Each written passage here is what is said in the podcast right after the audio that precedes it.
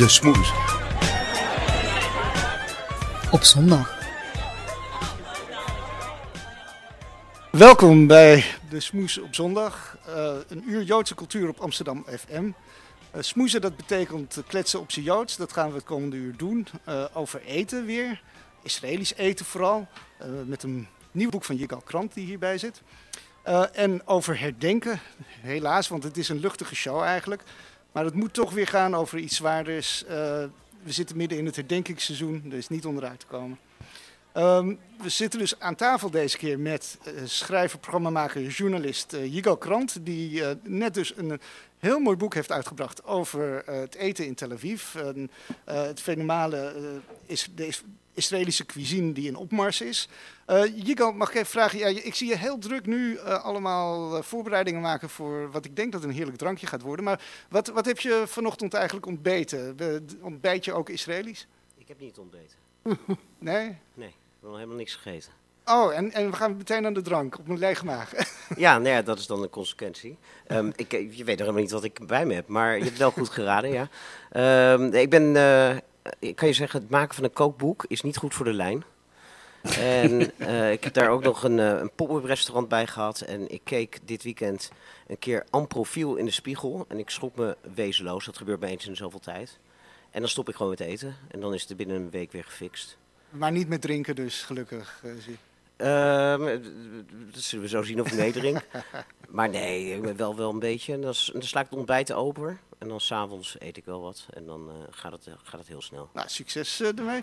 we zitten ook met Jona Freud, de Amsterdamse culinair schrijficoon. En ook bekend van de kookboekhandel op de Haarlemmerstraat. Haarlemmerdijk. sorry, de Haarlemmerdijk. Hoe kan ik die? Ik woon vlak om de hoek en ik maak die fout. Dat is schandalig voor een Amsterdammer. Mm. Um, Jona, heb je nog andere leuke boeken dan die van uh, Yigal zien langskomen? Nee, het is het enige. Echt waar? Echt, echt, het enige leuke boek wat ik nog in mijn winkel heb.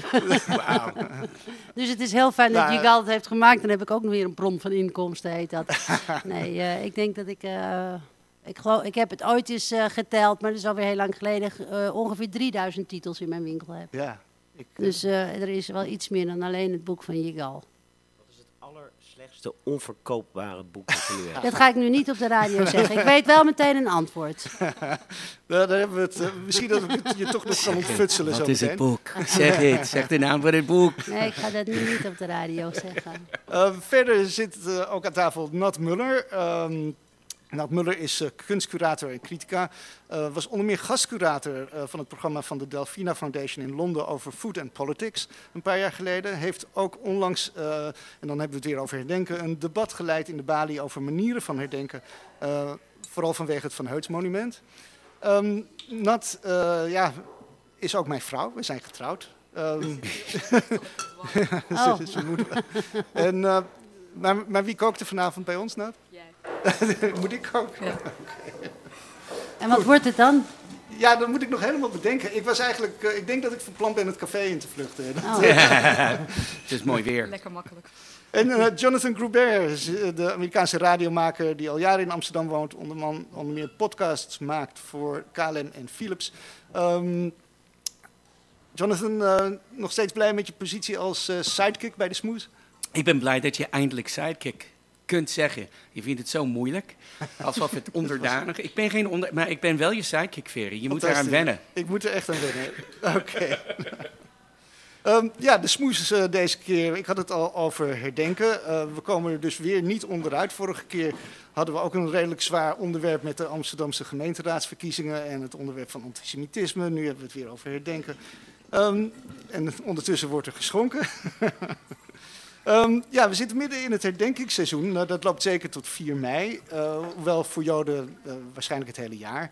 Uh, het begint eigenlijk op 27 januari met de Auschwitz-herdenking. En dat is ook de internationale Holocaust Remembrance Day. Wist jij dat, Jonathan? Is dat een Amerikaans ding, de, Jonathan, de Holocaust Remembrance Day? In de Verenigde Staten is het gewoon een Jodendag vooral. Het is geen dag waar dat, zeg maar, algemeen herdenkingsdag. Dat is het zeker niet. is, die, is die er eigenlijk wel in Amerika?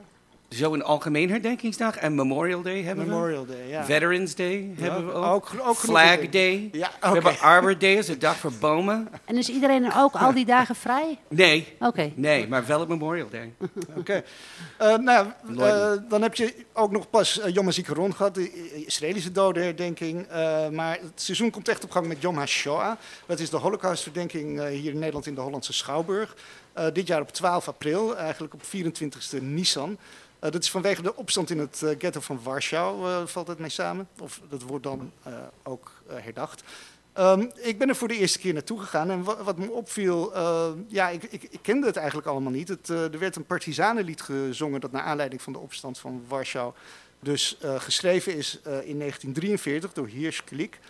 Um, het heet Zok niet kein Mal en iedereen zong mee. Luister maar.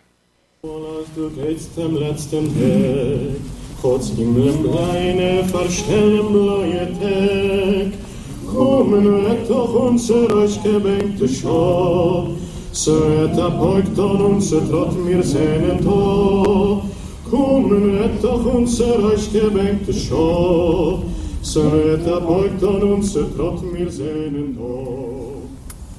Ik vind dat wij als Joden als volk dat de meest verschrikkelijke vervolging in de wereldgeschiedenis heeft overleefd, hierin een speciale plicht hebben.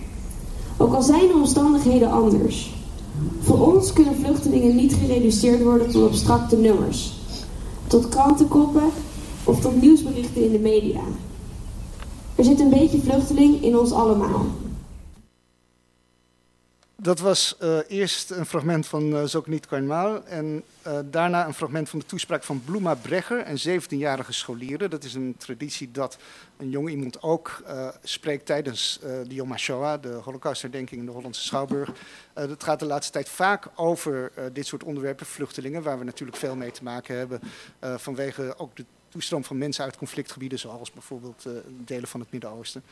Um, Nat, wat, wat, vind jij van het betrekken van uh, andere groepen bij uh, zo'n ceremonie als uh, de Yom HaShoah, de Holocaustherdenking in Nederland?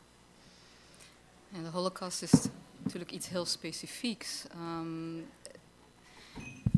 maar ik vind het op zich niet heel problematisch, maar ik vind wel dat je de specificiteit van de Holocaust in ere moet houden. Ik het sowieso goed om uh, een historisch bewustzijn bij te brengen hier in Nederland. En, en, dat is zowel voor de Tweede Wereldoorlog een geval, maar ook het Nederlandse koloniale verleden. Daar is nog heel veel werk te doen. Dus um, nou ja, ik denk dat je daar mee moet beginnen eigenlijk. Ja, want we hebben ook 4 mei in Nederland waar herdacht wordt en waar andere groepen, dat, dat zullen we zo bespreken. Er is nog een fragmentje dat ik daartussen wil spelen. Maar um, uh, het is inderdaad de manieren van herdenken. Zo'n Hollandse schouwburg, dat is ook een soort monument.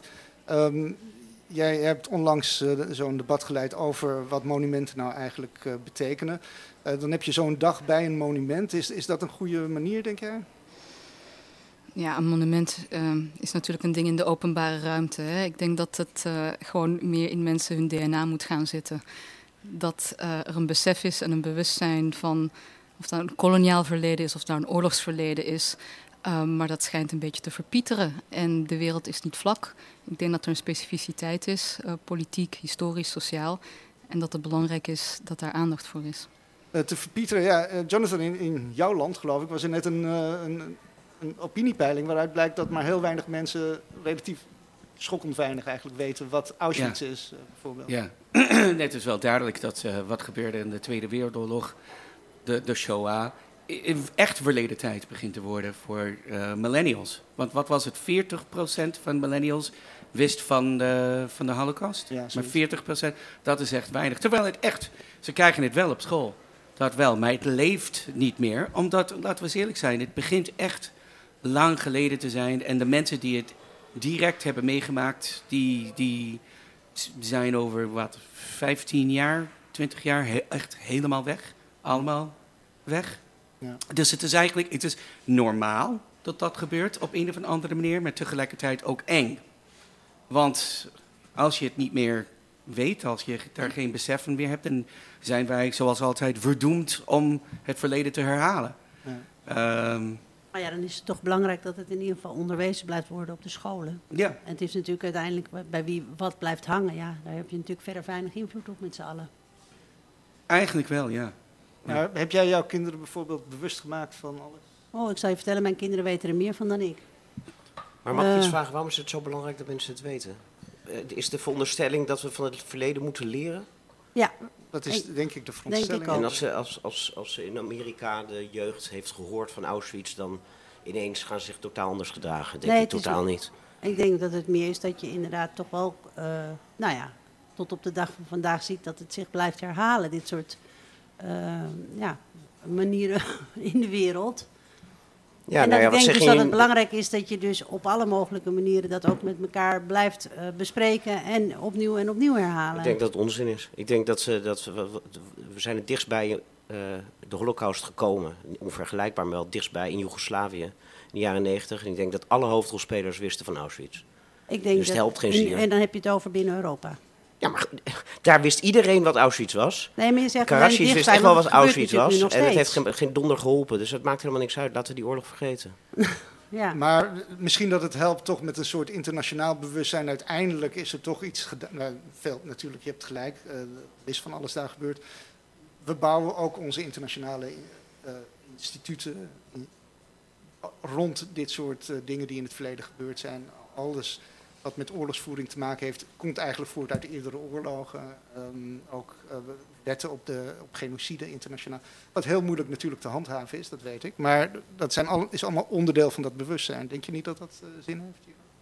Ik begrijp niet helemaal het argument. Maar ik dacht, ik help je een beetje. Het is altijd Nee. du- fijn voor radio-uitzending. Als er ook iemand het niet eens is met, eh, Zeker, heel goed. met, de, met de consensus. Maar ik, ben, ik ben het ook niet helemaal eens. Ik, ik, ik, maar ik, vond het zo mooi dat jullie die, die discussie aangingen... en dat er een soort veronderstelling onder lag Ja. die helemaal niet werd uitgesproken. De veronderstelling is dat het blijkbaar helpt en belangrijk is. Ja. Ik weet het niet. Goed, maar, maar, ehm, maar historische amnesie is toch ook niet goed? Sorry, wat zegt u? Historische amnesie, als je alles maar vergeet of zo. Hè, bijvoorbeeld Nederland is helemaal niet goed in het toegeven van het koloniale verleden. Moeten we dan doen alsof er niks gebeurd is? Ja, ik, ik hoorde het u ook net zeggen. Ik, ik weet niet of het zo ontzettend belangrijk is dat de, het koloniale verleden in onze voorkwap zit. I don't know. Als we ons goed gedragen en goed omgaan met de, de minderheden. Maar hoe ver ga je dan midden. wel terug?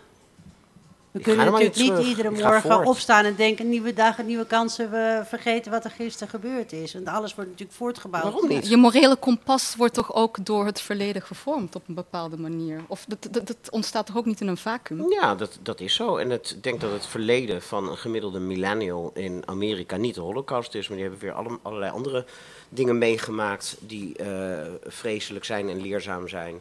En ik denk dat iedereen zijn eigen geschiedenis heeft. En voor ons Joden is, het, is, is de holocaust heel erg belangrijk. En het is ook een hele eh, bijna ongelofelijke gebeurtenis geweest. Maar we kunnen niet, eh, zo, zoals, het, zoals het koloniale verleden van Nederland niet belangrijk is voor een gemiddelde Amerikaan, is denk ik de holocaust ook niet belangrijk voor de gemiddelde Amerikaan. Ja, ja ik Nou, weet misschien het. zou het toch wel moeten zijn. Hier zit de gemiddelde Am- Amerikaan. Nee, ik ben, Oh, nee, ik ben, eh, ik ben buitengewoon. nee, maar ik, eh, weet je waar ik aan soms denk als ik... Want af en toe eh, in mijn eh, donkere momenten denk ik ook zo hier over eh, wat helpt dit... eh, eh, de, de- wij Amerikanen, wij zitten gewoon er onszelf te martelen over wat we in Vietnam hebben gedaan. Maar inmiddels is Irak al gebeurd. En, eh, de, Verenigde Amerikaanse leger zit overal in de wereld. En die zeggen, ach, wat helpt het dan om steeds erover alles te herkauwen en, en het helpt niks. Maar dan denk ik ook eh, aan Duitsland. En ik denk dat wat Duitsland heeft gedaan in de Tweede Wereldoorlog... eh, is het de, de ergste genocide aller tijden.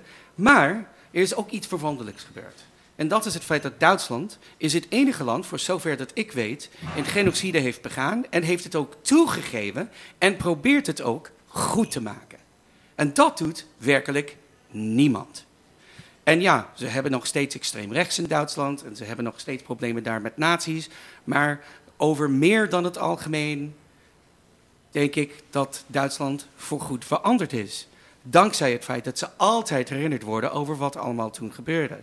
Dus ik denk dat het wel helpt. Dat is de, dat is, eh, kijk naar, naar het voorbeeld van Duitsland. Ik denk, ik ben uiteindelijk tot die conclusie gekomen, is ja, we moeten van het verleden leren en het kan. Soms leren Nee, wij maar van het is het voor verleden. Duitsers dus ook heel erg belangrijk om herinnerd te worden aan die holocaust. En in, als je die test gaat doen ergens in, in de straat in Berlijn, dan weet elke jongere wat Auschwitz is. Kan ik je garanderen. In Amerika is het slavernijverleden is ontzettend belangrijk. Eh, Amnesty heeft net die prijs uitgereikt aan die eh, American footballer die is gaan knielen tijdens het eh, Amerikaanse Colin volkslied. Juist, en ehm, eh, dat speelt daar heel erg. Daar wil, daar, daar, als je daar gaat vragen wie weet van, eh, van het, eh, de slavernij in Amerika aan, aan jongeren, dan weet elke millennial het. Iedereen heeft zijn eigen verleden en het is de ergste eh, genocide die er ooit is geweest. Maar ja, iedereen heeft zijn, heeft zijn, er- heeft zijn ergste gebeurtenis, heeft zijn er- ergste eh, historie. Ja, je zegt dat het relatief is. Ik Eh, relativeer ah, het een beetje. ja. Oké. Nou ja, het is natuurlijk ook zo dat in ieder geval voor mij geldt dat ik veel minder goed op de hoogte ben, zeg maar, wat zich allemaal in Afrika afspeelt dan wat zich eh, inderdaad. Maar Rwanda, Rwanda heb je wel van gehoord. Ja, ja, ja, ja, zeker weten. Maar hoeveel, hoeveel er uiteindelijk daar mensenlevens dat heeft gekost, zou je mij niet moeten vragen bijvoorbeeld. Ik weet heel veel, maar niet de hoeveelheden. Ja. Weet je, de, de massaliteit zeg je natuurlijk wel iets, maar dat eh, is bij mij wel een ander verhaal van, van wat er binnen Europa is En, en leren wij van Rwanda? Wat, wat leren wij van, door dat te Nou, weten? Wat, En dichterbij een beetje, of, of korter weg natuurlijk, eh, van Syrië, wat daar gebeurt. Nee, Mm. verdomd weinig natuurlijk. ja. Schrikbarend. Maar het punt van Duitsland inderdaad. Kijk, het gaat natuurlijk vaak om de mensen die erbij betrokken zijn geweest. Voor wie het belangrijk is om het eh, te herinneren. Dat eh, Joden, eh, natuurlijk ook an- andere groepen zoals Roma en, en homoseksuelen en, enzovoort. Die, die vervolgd zijn onder het naziregime. Duitsland zelf, we hebben het over de historische be- besef in zo'n land. Helaas doet rechts toch weer een beetje zo Ja. opgang in, in Duitsland. Eh, d- En het niet is- alleen in Duitsland. Nee. Nee, en niet alleen in Duitsland. Nee. nee, dus het ligt niet aan de Duitsers. Nee. Het- dit keer ligt het niet aan de Duitsers. Nee. Dit keer ligt dit niet aan de Duitsers. Nee, maar goed, dus het is natuurlijk, eh, ja, het is natuurlijk in heel, eh, de hele westerse wereld aan de gang. Ja. Maar het- bij de Hollandse Schouwburg eh, viel het me op dat er een andere, eh, andere groep die er zeer bij betrokken is. Dat, is natuurlijk, eh, dat zijn de Israëli's. Israël, eh, dat, dat is toch ook ehm, ontzettend betrokken bij de herinnering aan die, eh, aan de Holocaust. Eh, Ik vond het eh, zeer nadrukkelijk aanwezig met een, een Israëlische vlag. De Israëlische ambassadeur sprak, wel heel erg politiek vond ik ook. Ehm, eh, maar dat schijnt voor toch een heleboel mensen, ook Nederlandse Joden, wel belangrijk te zijn. Ik vroeg Esti Cohen, een maatschappelijk werkster bij JMW, dat is Joods maatschappelijk werk, die ook in de Hollandse Schouwburg was, waarom ze ieder jaar naar de herdenking daar komt. Ehm, ik vind het ook heel belangrijk om daar met elkaar te zijn, omdat ik altijd een beetje een overwinningsgevoel krijg als ik daar met alle Joodse mensen sta. Eh, dat, we, dat we niet bang zijn en dat we vooral eh, moeten blijven zeggen wat er is gebeurd en dat we moeten blijven herhalen dat het nooit, nooit nog een keer zal gebeuren.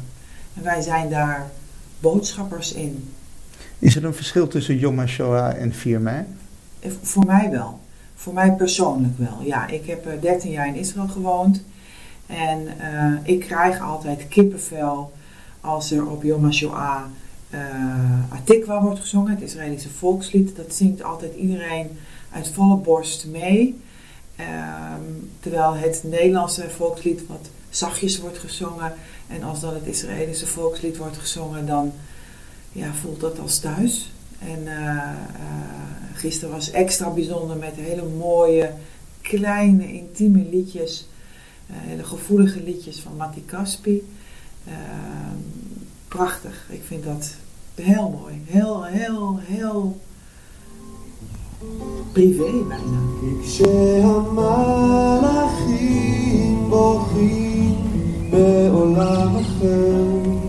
אז בעולם הזה עצוב לנו יותר. כי כשהמלאכים בוכים Dat was eh Esti Cohen en daarna een fragment eh, van muziek die gespeeld werd eh, dat, eh, in de Hollandse Schouwburg eh, door eh Yishai Glik en Aviv Noam van de, de Israëlische muzikus eh, Joni Rechter. Ehm, het heet eh, Tranen van Engelen, eh de Shel Malachim. Daar komen we zo meteen nog op terug eh, met een ander lied. Johan, maar Esti zei, maakte specifiek die vergelijking 4 mei en Yom HaShoah. En ik weet dat jij ieder jaar naar de 4 mei herdenking gaat ja, juist. en verder eigenlijk nergens.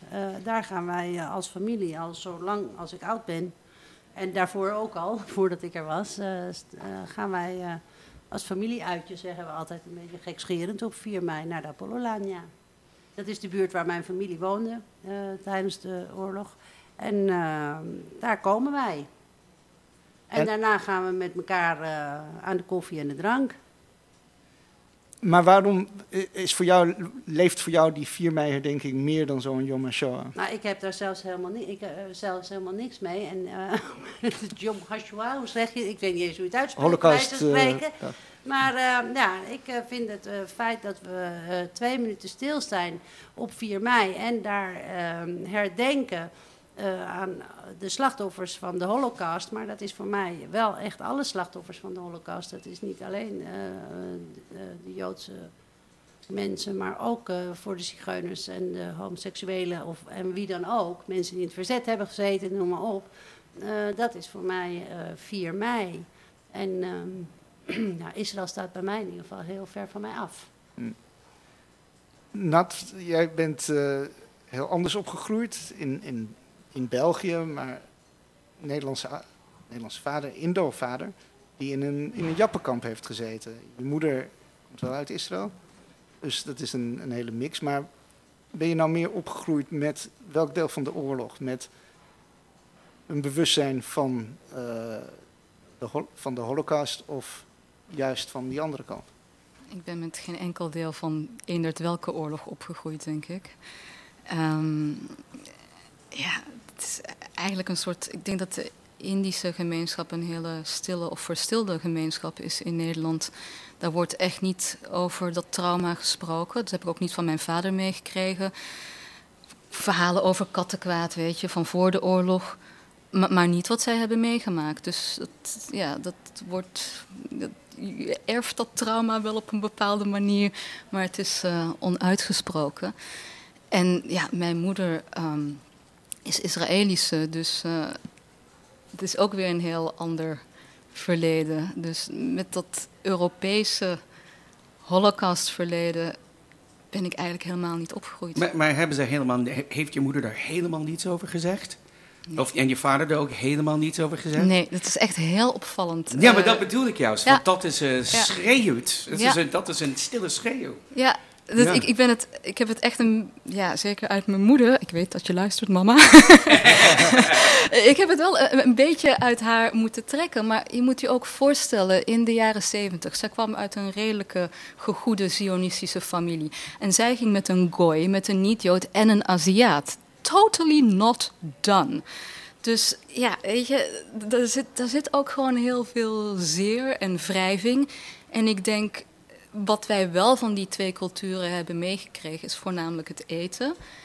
En, Daar gaan we ehm, het gelukkig zo meteen over ja, hebben. En, Nog en, eventjes. en die Indische familie in Nederland, hè, dus daar kwam je wel een beetje wat tegen. Maar de rest kwam allemaal eigenlijk later. Maar vind jij dat bijvoorbeeld dat de, wat er in Nederlands-Indië gebeurd is toen de tijd, uh, en, en ook alle verschrikkingen daar enzovoort, en, en misschien ook wat er daarna is gebeurd, dat dat ook deels bij 4 mei uh, dat dat meegenomen zou worden? Maar waarom worden? niet?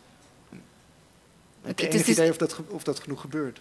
Ik vind sowieso dat er te weinig gesproken wordt over wat er in Indonesië gebeurd is. Nederlands hebben daar zo lang gezeten, maar uh, er is geen enkele rekenschap daar over wat er gebeurd is historisch.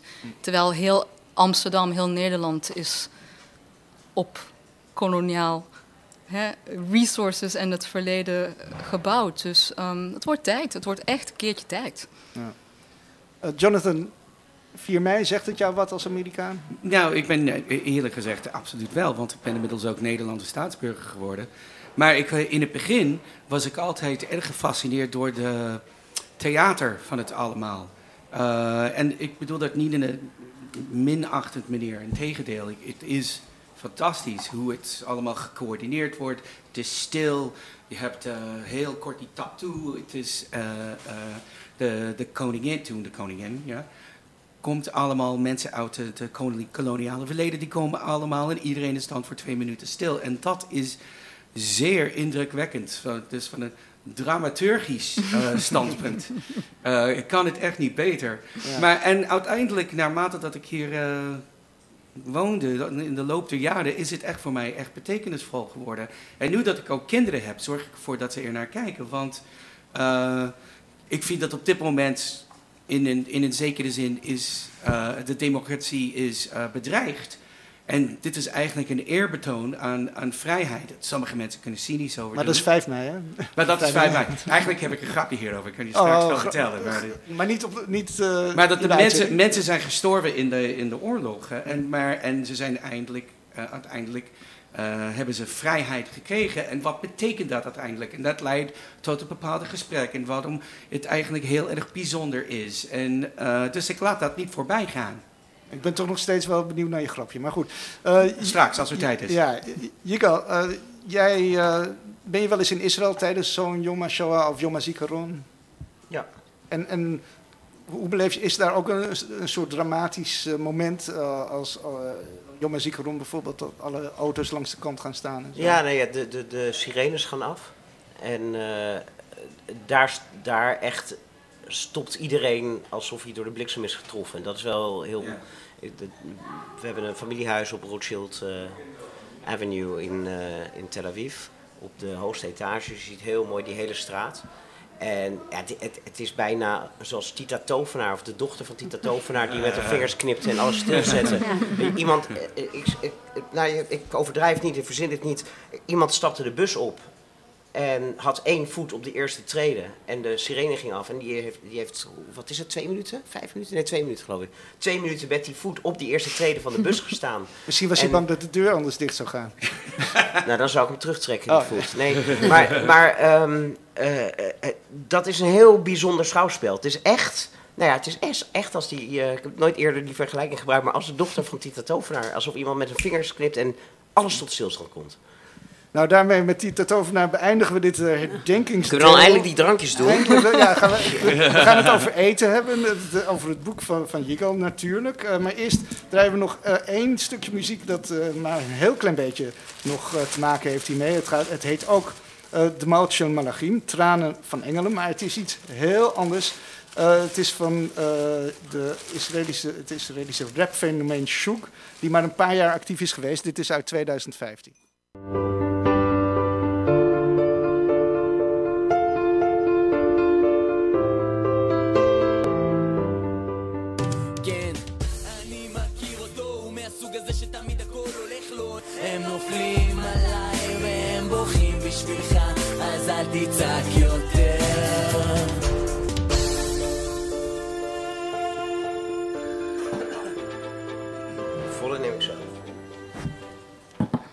Dat was uh, Shoek met uh, de Mochel Malachim, Tranen van Engelen. Ondertussen heeft uh, Yigal ook een glaasje met Tranen van Engelen bij ons voor de neus gezet. water dus. Toch? Um, we komen duidelijk bij het luchtigere deel van de uitzending. Dat hopen we dan, moet lukken. Het gaat over eten. Uh, Yigal Krant heeft dus een prachtig boek geschreven over de eetscene in Tel Aviv. Booming, mogen we zeggen. ook internationaal maakt de Israëlische keuken steeds meer naam. Ron Blauw heeft hier in Amsterdam het Israëlische restaurant Nakarat geopend. Maar daar zijn de meningen over verdeeld. Hoorden we al eerder hier op de uitzending.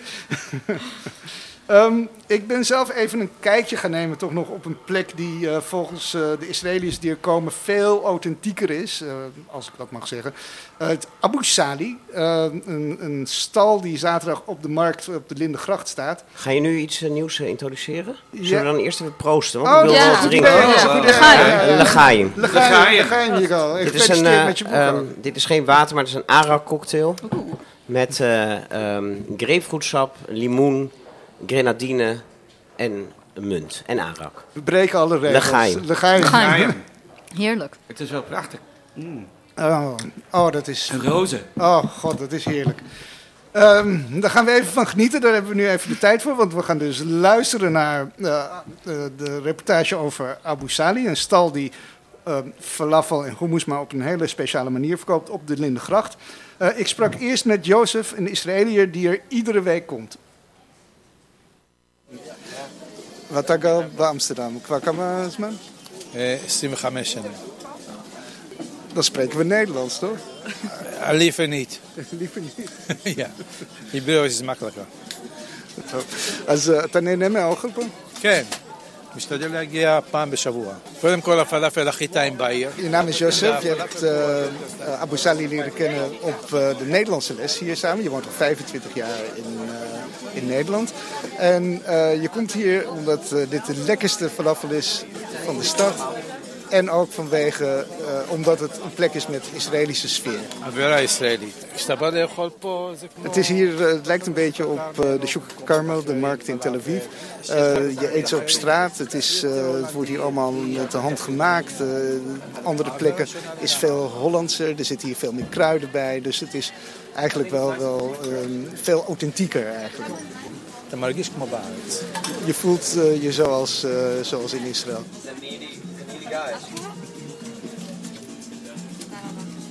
Je heet Shachar, maar uh, je tent heet Abu Sali.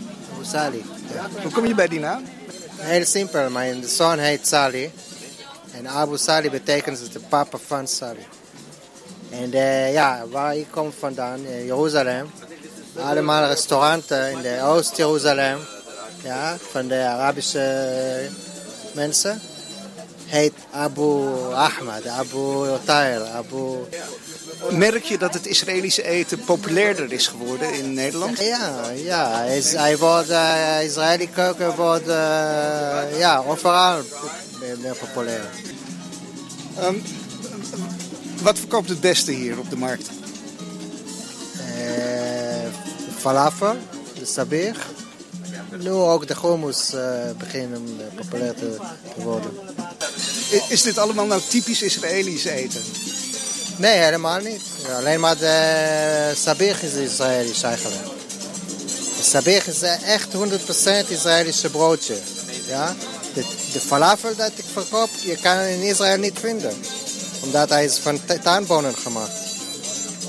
En in Israël allemaal uh, falafel is van kikkererwten gemaakt. De Palestijnse mensen maken, ze mengen. Ze maken een blend van kikkererwten en uh, tuinbonen. Maar in tuinbonen is de Egyptische manier. Waarom heb je daarvoor gekozen? Ja, graag gedaan. Fijne dag verder. Ja, ik, ik heb een hele goede Egyptische vriendin in uh, Israël. Die heeft mij geleerd. Uh, en ik vind het... Uh, ik vind het meer bijzonder dan de kikkererwten vooraf. Dus dit is allemaal uh, toch um, Midden-Oosters eten.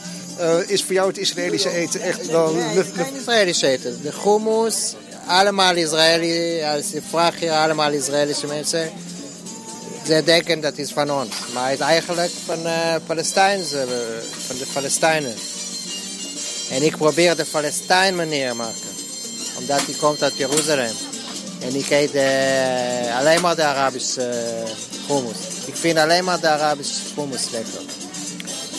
En, uh, maar ik maak ook voel. Voel is... oh, kijk. De Koreaner pesto, ja, is, is, dit is familie-ding. Hij is Jemenitisch. Die is Jemenitisch, de, de, de, pesto? De, de pesto en ik ook. Mijn familie komt, komen uit Jemen. Dus, dus ja. En hoe ben je eigenlijk in Nederland verzeild geraakt? Ik heb een, een Nederlandse vrouw. Liefde. Hoe lang al? Acht jaar. Dankjewel. Tuurlijk.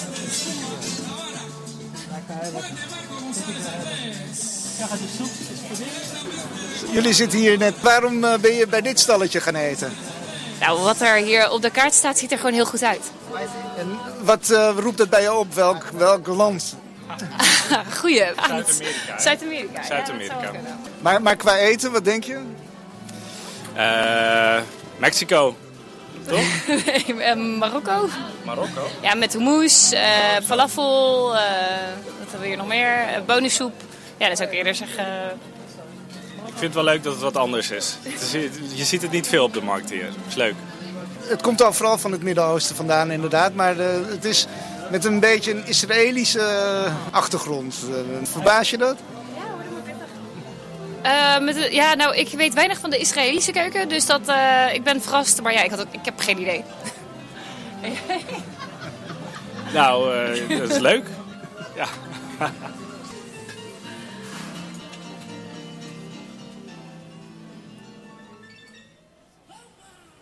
Dat was uh, dus bij Abu Sali op de Lindegracht zaterdag. Uh, nou, er komen echt redelijk wat Israëli's daar de hele tijd kijken. Maar ja, ook Nederlanders en uh, Yigal, je hoort het. onder de Nederlanders is het Israëlische eten dus niet zo bekend. Wat, wat vind je ervan? Nou, het, Israëlische eten of het eten van het Midden-Oosten is steeds bekender en wordt ook steeds meer gewaardeerd. Um, ook in Nederland is mijn, is mijn constatering. Maar toch, het, er blijkt wat verwarring. Vanwege die bonen, Mexicaans denken ze dan. ja, moes. De, de groenmoes werd moes. Ja, maar de, in, in, zoals je al zei, in Israël wordt de meeste falafel niet gemaakt van... Uh, van tuinbonen of van fava beans, maar gewoon van kikhert 100%. Dat is ook de Israëlische toevoeging aan falafel. Want er is altijd discussie, wie is nou de eigenaar van falafel, waar is het ontstaan.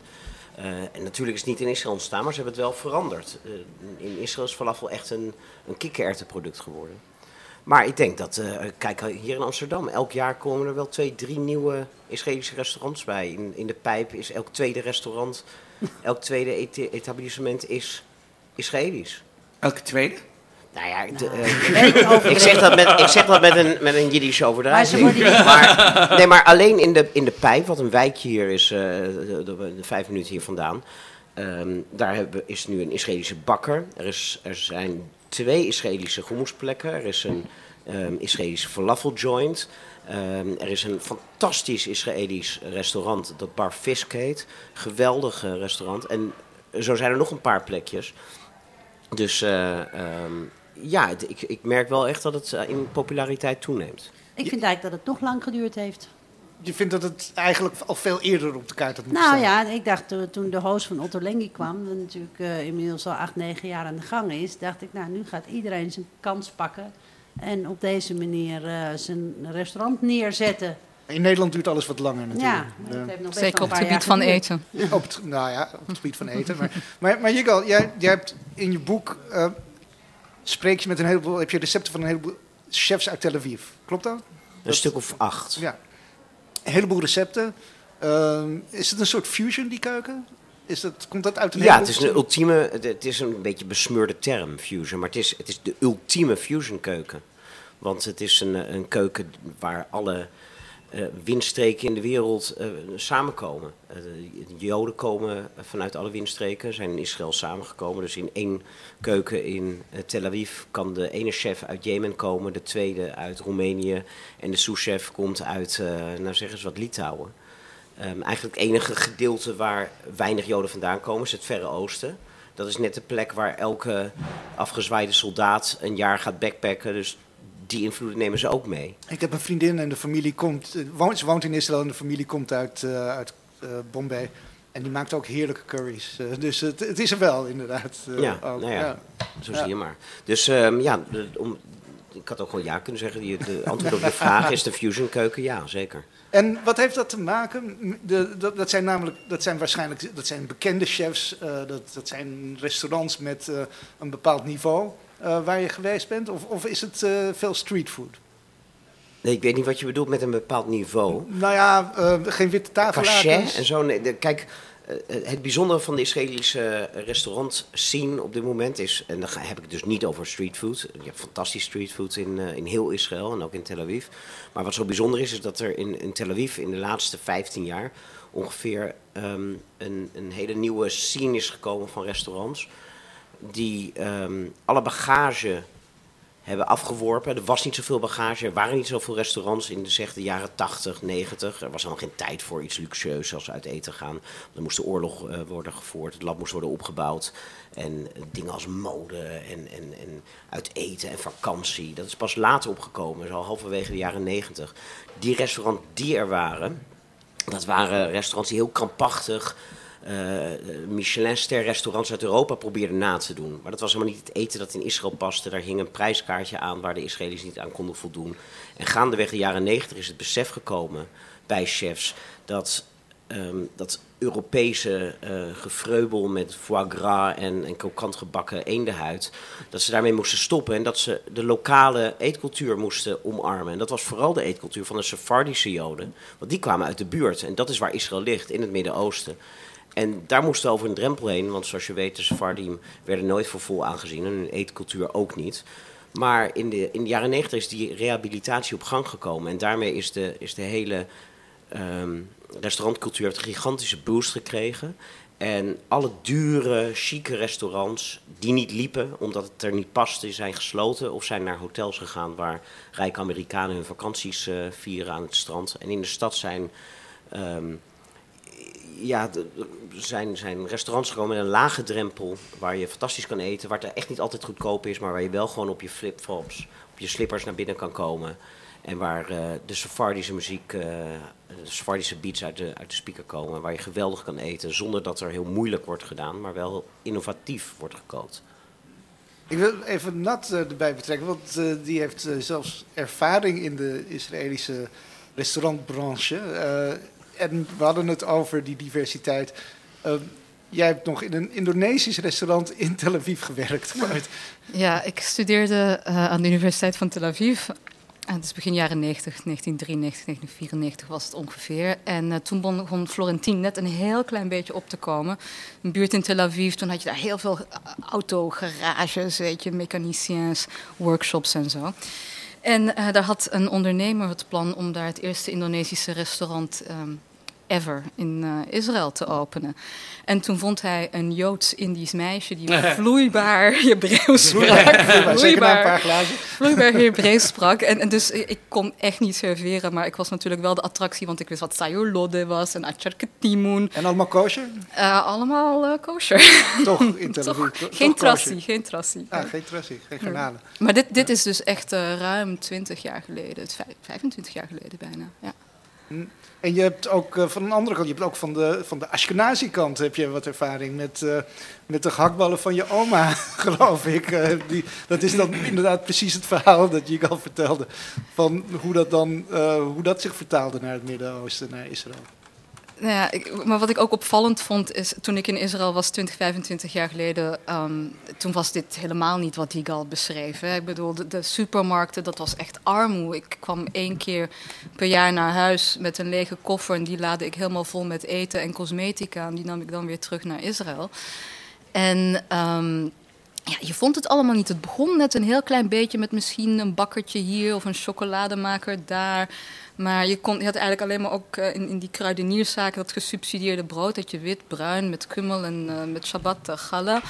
En dat was het zo'n beetje. Ja, maar Tel Aviv was 25 jaar geleden een troosteloze Oostblok-dump. Nou, nou dat valt wel nou, mee, nee, hoor. Nee, nee echt ik, waar niet, ik, heb hoor. Er ook een, hele mooie strand. Mm. Het, was een vre het was een vreselijke stad. Nee, maar Schenken was echt heel hip, ik ook begin jaren 90. Nee, maar 25, ik heb het al 25 jaar geleden, dat is ietsje langer dan... Uh, 25 jaar geleden? Ja, Ik kwam er regelmatig en je had wel plekjes waar wat was, maar een goede maaltijd in Tel Aviv was onwaarschijnlijker dan vrede in het hele Midden-Oosten. Dat klopt. Absoluut, dat, uh, absoluut. Dat, dat, is zo. En toch ben ik even benieuwd naar, naar, naar de gehaktballen van je oma. Ja, mijn oma um, kwam ons zo'n paar keer per jaar uit uh, Tel Aviv uh, opzoeken in België. En zij stond bekend om haar ktizot intifada. Dus dat waren ktizot, gehaktballen intifada. Dus ze waren zo hard, haar gehaktballen, dat je er de intifada mee kon voelen. dus gebruiken als stenen. Dus dat is een beetje mijn herinnering aan Ashkenazi eten. Maar ze bakte geweldige taarten die mijn moeder tot de dag van vandaag nog steeds bakt. Dus, ja. Uh, ja. Jona, daar, stonden de, daar stonden die Ashkenazische gerechten dan weer wel bekend om, ja. hè? het lekkere bakken. Nou ja, dat, ik wil, dat wilde ik vragen. Een verdediging van het Ashkenazische eten. nou, verder heb ik er niet zoveel in te verdedigen hoor. Oh, oh, oh. Maar ook, zelfs uh, als, als je dat boek van Claudia Roden ziet, hè, dat Joodse boek, dan heeft ze ongeveer een derde Ashkenazi en de rest is allemaal ja. Sephardisch. Dus dat wil ook wat zeggen eigenlijk. Het is uh, absoluut een feit dat de Sephardische gerechten veel en veel lekkerder zijn dan de Ashkenazische gerechten. Maar inderdaad, het bakken, dat uh, staat daar een beetje los van. En ja, goed, weet je, ik heb uh, ook wel een aantal gerechten waar ik toch wel heel erg uh, van hou. Zoals? Nou ja, het eerste waar ik nu aan moet denken is pekelvlees. Maar ik denk dat dat ook in de Sephardische keuken wel veel gemaakt werd. Maar ja, ik hou ook wel van Nou, ik moet eventjes niet allemaal bakdingen denken. Jonathan, Jonathan. Maar ik ook, ik weet er ook eigenlijk niet, zo, niet zoveel over eh, het Sephardische, in het specifiek Sephardische eten. Want ik ben ook Ashkenazi opgevoed. En eh, in, toen de tijd in de Verenigde Staten, overal in de Verenigde Staten en vooral in New York, had je eigenlijk alleen maar Ashkenazische delis. En eh, ja, falafel. Maar was- het is heel was- erg grappig. Amerikanen die voor het eerst in, Ameri in, in Israël komen, die, die vragen zich af waar het, waar het Joodse eten is. Die begrijpen er helemaal ja, niks van. ja, nee, je hebt waar is de bagel en waar is de matzeballensoep? En, en waar, waar de- alles wat in, in Amerika wordt gezien als, als Joodse eten, dat vind je helemaal niet in Israël. Nee. Nee, maar die, die, die, kijk, die rehabilitatie van de Sefardische keuken heeft, heeft de, de, eh, de gastronomie in Israël gigantisch veel gebracht. Alleen zoals dat gaat met golven en tegenbewegingen, zie je wel dat er nu weer een, een, een, een om dat woord nog maar een keer te gebruiken, een rehabilitatie weer van de, van de Ashkenazische keuken ehm, aan het eh, zich manifesteert in, in Tel Aviv. Dat heel veel chefs ook weer teruggaan naar die gerechten. Je kan in, in, in, vlakbij de Soek, in, eh, of op de Soek in Tel Aviv, in een restaurant dat M25 heet, genoemd. De M staat voor meter, genoemd naar de slagerij, 25 meter verder op de Soek. Ehm dan kan je fantastische eh, tong eten, die, eh, die twee weken op bekel heeft gestaan. En, fantastisch wordt geserveerd met grijn, rode mirikswortel, ehm, met bietjes. Maar de Ja. Ashkenazische ik, ik kocht daar mijn varkenskoteletjes altijd eh, aan het begin van de sugar caramel. Oh ja? Ja. Ja, nee. die- Heb je die nog? Dat, maar dat is niet heel lang geleden. Dat is heel lang geleden. Ja, dat, Ja. dat was knap. Want eh, varkensvlees was, nou, tot, een, tot het dat Russen kwamen, echt heel moeilijk te krijgen. Nee, dat was in de eh, jaren tachtig. En eh, het was eh, gewoon openlijk daar toch te tot de kopen. Russen kwamen. Op de- Ja. Maar ik ben wel opgegroeid met tong. Dat wel. Ik ook. Ja, maar, Maar- dan, maar dan echt een hele tong. Een hele Maar. Mijn moeder komt thuis gewoon met een hele kalfstong. Ja. En dat ging ze koken. Ja. En, eh, en eh, snijden. De achterkant Maakte was mijn lekker, moeder was ook, het ja. lekkerst. Ja. Mijn Maar, moeder maar. Jonathan, heb je, heb je nou heb je Ottolenghi in New York bijvoorbeeld? Is er- oh, heeft dat een, een impact gemaakt? daar? Nee, nee niet, niet dat ik het weet. Nou, zeker, wel. niet. Ik kan niet zeggen. Oh, wacht, misschien Jo- heeft het Jo- wel- Jona weet het. Ja, Jona jij weet weet het Nou, ik weet Ja. dat hij een enorme groep, gro- enorme grote groep aanhangers heeft in heel Amerika, maar eh, speciaal in New York. Eh, waar mensen natuurlijk toch, het, denk ik, net wat meer openstaan. En ik wil nog even over die Ashkenazische. Er is natuurlijk een groot verschil wat vaak vergeten wordt. Maar dat is dat de is natuurlijk meer eh, gerecht uit het koude noorden. De mensen hadden gewoon ook echt wel veel minder voorhanden. Hè. Er, kon, er groeide veel minder. Er was eh, veel meer armoede op eetgebied. Niet alleen Dus het is niet hun schuld. maar- Nou, het was eh, natuurlijk een roeien met de riemen die je hebt, heet dat. Ja. Nou, ik vind eh, het een prachtig boek van, van Yigal TLV, Tel Aviv. eh, recepten uit, eh, uit Tel Aviv.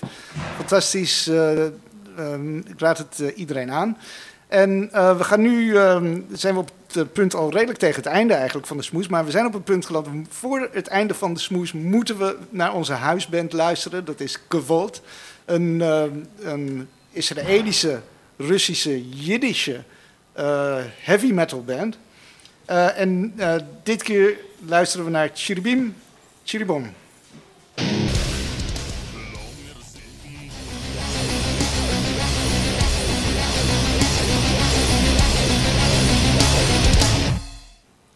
Dat was Gewalt met Chiribim Chiribom. Jonathan heeft weer ontzettend Met dit, weer, met dit weer hadden we maar één luisteraar, dat was jouw moeder. En die zijn, die zijn we nu ook kwijt. Die zijn we kwijt. Maar dat is de bedoeling. Dat we, we willen geen luisteraars. Oh nee, nou. Maar mensen kunnen terugluisteren online en dan wordt de muziek eruit geknipt vanwege Rechtstechnische dus copyright redenen. Dus dan, dan hoeven ze daar niet naar te luisteren als ze dat niet willen.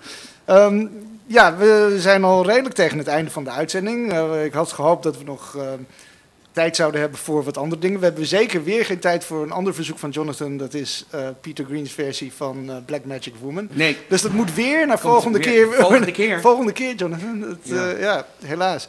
Ehm, er was nog een rondvraag. eh, er is nog met allemaal leuke Joodse dingetjes. Of iemand nog iets wist. We konden het hebben bijvoorbeeld over eh, de geredische kandidaat in Antwerpen. Die weigerde om de handen te schudden met vrouwen en nu dus geen kandidaat meer is. Eh, maar ja, ik weet niet of we het daarover moeten hebben. We hebben nog een paar minuten als iemand iets wil roepen over toch wat met eten te maken heeft. eh koosje slachten en opnieuw de discussie daarover. Iemand iets zeggen? Heel kort. Over slachten? Kosher slachten. Wat, wat ik zei, Tegen kosher toen en halal slachten dus ik zei, van dat de is de snelste manier om ervoor te zorgen dat de Joodse gemeenschap en de moslimgemeenschap samenkomen en samen gaan werken in, in Nederland. Ja. Want, eh, Misschien in- moeten we die meneer in Antwerpen kosher slachten. Nou, nee, geen, geen oproepen tot geweld op, dit, eh, Oh. op deze. Oh. zeer- Kosher is pijnloos? Zeer Oh. relaxed. Is het, dat is pijnloos. Denk Het je was dat- een, het was een eh, duister grapje, maar ik denk, ik, ik denk dat, eh, dat de, de eh Garedim, de ultra-orthodoxe Joden, het grootste probleem zijn in ieder geval voor Israël. Groter dan Iran of de Palestijnen of eh, wat dan ook. Oh, maar dat is een Oh, heel groot onderwerp. Ja, gaan we het volgende over hebben. Dan ben ik er niet. het over gaan hebben in deze laatste paar minuten, inderdaad. Uh, slachten verbieden in Israël gaat niet gebeuren natuurlijk. Hè? In Israël? Ja, stel je voor. Nee, in Israël gaat dat niet gebeuren. Nee. Nee. Maar Geen hier, eens een agendapunt, denk ik haast. ja, ik vraag me af of ze een partij voor de dieren hebben in Israël. Dat weet ik eigenlijk niet eens. Ja, zeker. Er zijn ook heel veel, eh, eh, heel veel eh, dierenorganisaties, natuurorganisaties in Israël. Ja, maar dat is geen, onder, dat is geen onderwerp van gesprek. Wel, wat wel echt een ding is, en het tiende kanaal in Israël zet er heel veel eh, aandacht aan, er zijn misstanden. Er, zijn, er worden ongelooflijk, ook daar in slachthuizen, er worden ongelooflijk veel misstanden eh, aan het licht gebracht. Hey, daar ik wordt hoor onze, gevochten. op dat punt, ik hoor onze eindjingle al, die al wordt aangezet, dus ik moet iedereen gaan bedanken. Eh Yigal Krant eh, zijn prachtig boek Tel, TLV, Tel Aviv, eh, over eten in Israël, in Tel Aviv. Eh, heel erg bedankt. Eh Jona Freud van de kookboekhandel en schrijfster, culinair schrijfster in Amsterdam. Heel erg bedankt voor je aanwezigheid. Haarlemmerdijk of Haarlemmerstraat? Haarlemmer... Dijk. Dijk.